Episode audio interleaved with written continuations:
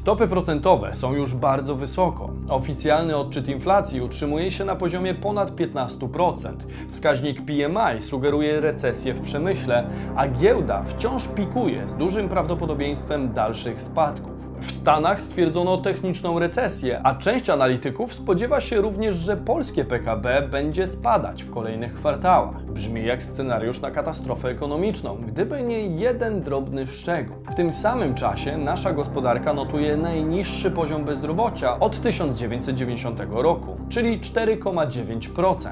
Dlaczego ta recesja będzie inna niż wszystkie? Sprawdźmy to. Bison. Włączeni do świata biznesu i finansów. Cześć, tutaj Damian Olszewski i witam Was serdecznie w programie Praktycznie o Pieniądzach i edukacyjnej serii Bizon. Jeżeli chcielibyście poszerzać własną świadomość finansową, a dzięki temu podejmować lepsze decyzje dotyczące swoich pieniędzy, to warto subskrybować kanał na dole. Stałych widzów proszę o hashtag Bizon w komentarzu na dobry początek. Czas to pieniądz, więc zaczynajmy. Problemy globalnej gospodarki. Jak wszyscy wiemy, wysoka inflacja czy ewentualne spowolnienie gospodarcze to nie są problemy wyłącznie Polski, ale i dużej części świata. W najnowszym wydaniu Global Economic Prospects Bank Światowy prognozuje, że globalny wzrost PKB spadnie z poziomu 5,7% w 2021 do poziomu 2,9% w 2022. W Polsce najnowsze oficjalne odczyty wysokości inflacji wskazują już ponad 15%, a prognoza wzrostu wzrostu dla naszej gospodarki spadła z poziomu 4,7% na 3,8% w tym roku. Część analityków nie wyklucza jednak recesji w drugiej połowie tego roku. Warto jednak pamiętać, że czym innym jest recesja techniczna, kiedy stwierdzamy dwa kwartały spadku PKB, a czym innym realna recesja. I tak oto należy zauważyć, że realnej recesji nie zawsze towarzyszyła ta techniczna, a technicznej nie zawsze towarzyszyła realna.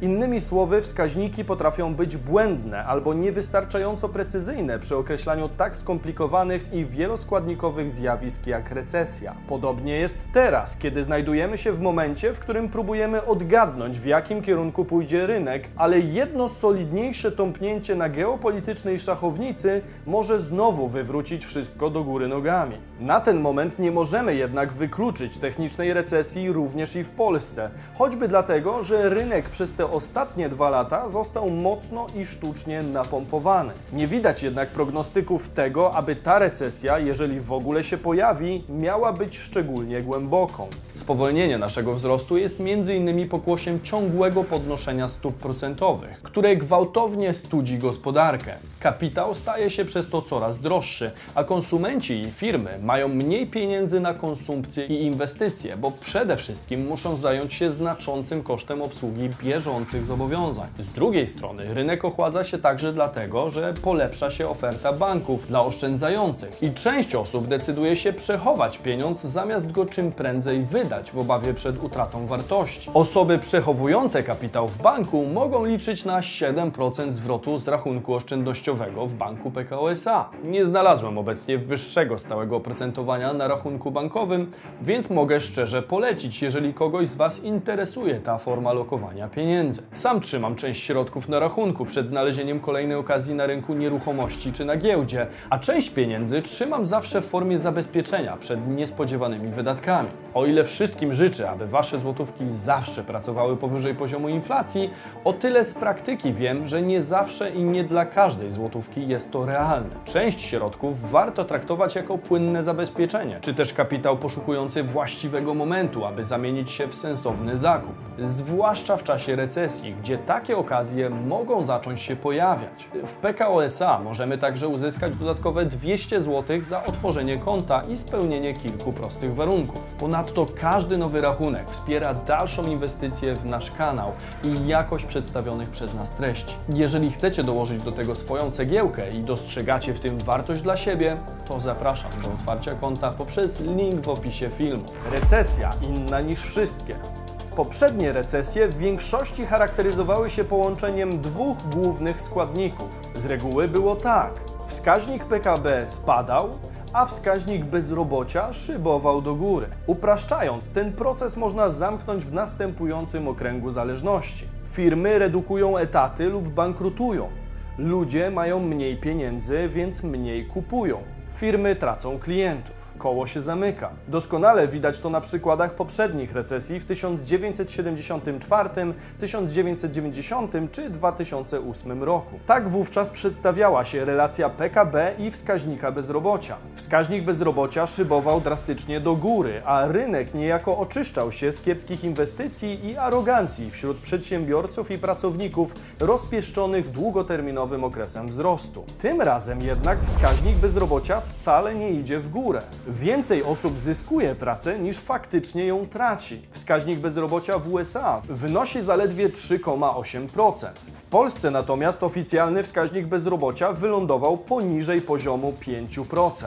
Co jest tego przyczyną? Dlaczego bezrobocie nie rośnie? Istnieje wiele składowych tego stanu rzeczy. Postaram się wyróżnić dla Was te w mojej ocenie najważniejsze. Po pierwsze, rynek pracy ciągle się rozwija i potrzebuje nowych rąk, zarówno w Polsce, jak i w innych krajach Zachodu. Szczególnie w obszarze prac fizycznych. Przed pandemią w USA było 7 milionów miejsc pracy. Po dwóch i pół roku ta liczba znacznie się podniosła, wynosząc obecnie 11 milionów. Według Wall Street Journal Ostatnio w Stanach odnotowano przyrost miejsc pracy dwukrotnie wyższy niż przewidywali analitycy. Mówimy o około 500 tysiącach nowych miejsc pracy. Innymi słowy, pomimo cięższej chwili na rynku, firmy nie rezygnują z dalszej ekspansji i zatrudniania ludzi. Mogłoby się to wydawać nieintuicyjne, patrząc na to, że przed chwilą stwierdzono na tym rynku techniczną recesję, która powinna raczej ostudzić zapał. Warunki rynkowe to jedno, drugie to natomiast obecna kondycja firm, która póki co pozwala na dalszy bieg pomimo światowego spowolnienia.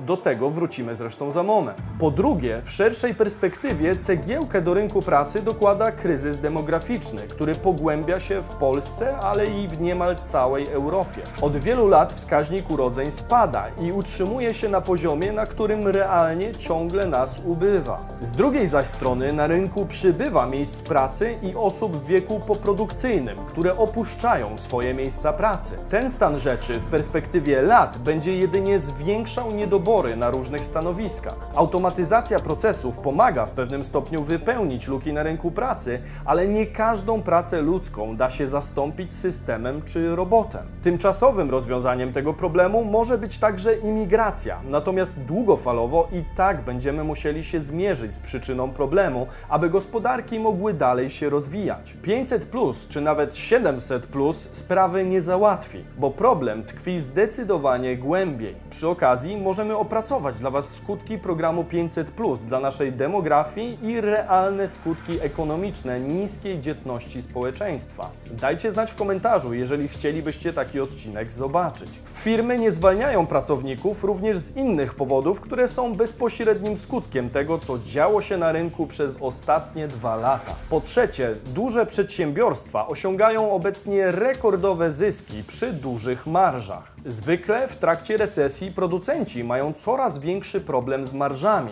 mianowicie muszą je zmniejszać, aby utrzymać się na powierzchni. W tej chwili jednak mamy do czynienia z ciekawym zjawiskiem. Marże dużych podmiotów są nadal bardzo wysokie, kiedy z drugiej strony wielu małych przedsiębiorców ledwo wiąże koniec z końcem. Jedną z głównych przyczyn tego stanu rzeczy jest proinflacyjne środowisko rynkowe. Obecnie klienci spodziewają się zwiększenia cen, bo wszędzie mówi się o tym, jak wysoka jest inflacja. Tym samym jesteśmy w stanie zaakceptować zdecydowanie wyższe ceny na półkach. Na rynku powstała atmosfera znacznego przyzwolenia co do takiego postępowania, na czym korzystają przede wszystkim duzi producenci i pośrednicy. Czy nie jest dla Was zaskoczeniem, że w rzekomo niezwykle trudnych warunkach rynkowych spotykamy się z coraz większą ilością nagłówków typu rekordowe zyski firmy X, czy też rekordowe zyski sektora Y? Prawda, którą można zaobserwować w postaci liczb u poszczególnych spółek jest taka, że wielu producentów nie zwiększało cen o dodatkowe koszty związane z inflacją, tylko dorzuciło jeszcze wyższą marżę ponad te koszty. W ten sposób, mimo spowolnienia w Polsce czy też recesji w Stanach, korporacje jednocześnie są na bardzo wysokim poziomie marży. Czy można więc powiedzieć, że jest im szczególnie źle? Czy można dopatrywać się powodów, dla których miałyby obecnie masowo zwalniać ludzi? Chyba nie, wręcz przeciwnie. Mimo spowolnienia, wysokie marże dają korporacjom pewien bufor bezpieczeństwa, którego często zwykły mały przedsiębiorca sobie nie wypracował.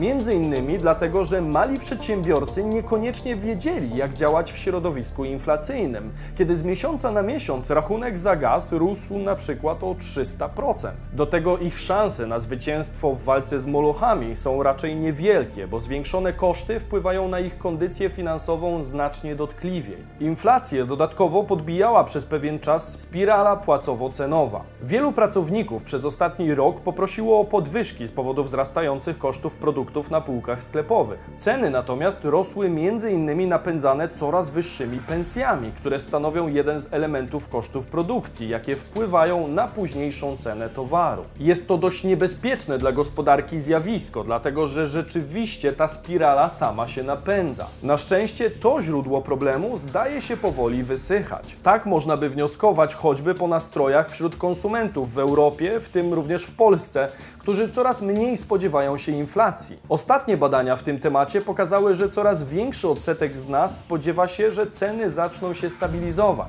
Można by pomyśleć, że badanie nastrojów wśród konsumentów nie ma większego wpływu na inflację, ale to byłby błąd. Część problemu tkwi właśnie na poziomie psychiki konsumenta, który przekonany o tym, że ceny będą nadal rosły, wykupuje towar chętniej, aby załapać się jeszcze na dzisiejszą, jak sądzi, promocyjną cenę. Obecnie jednak coraz trudniej będzie producentom przerzucać rosnące koszty czy coraz wyższe pensje na konsumenta, choćby ze względu na wysokie stopy procentowe, które znacznie wyhamowały popyt wśród klientów, między innymi drastycznie zwiększając koszty obsługi zobowiązań kredytowych. Mniej chłonny rynek oznacza zaostrzenie konkurencji i coraz niższą tolerancję dla przesadnie wysokich cen. Czwartym powodem tak silnego rynku pracy jest to, że duże firmy siedzą na gotówce. Jest to pochodna bardzo dobrego okresu, jaki przez ostatnie dwa lata zaliczyły korporacje. Co mam na myśli? Gdy przyjrzymy się wynikom firm, zauważymy, że dla wielu z nich rok 2021 był prawdziwym Eldorado. Biznes, pomimo inflacji, która już wtedy przybierała coraz mocniej na sile,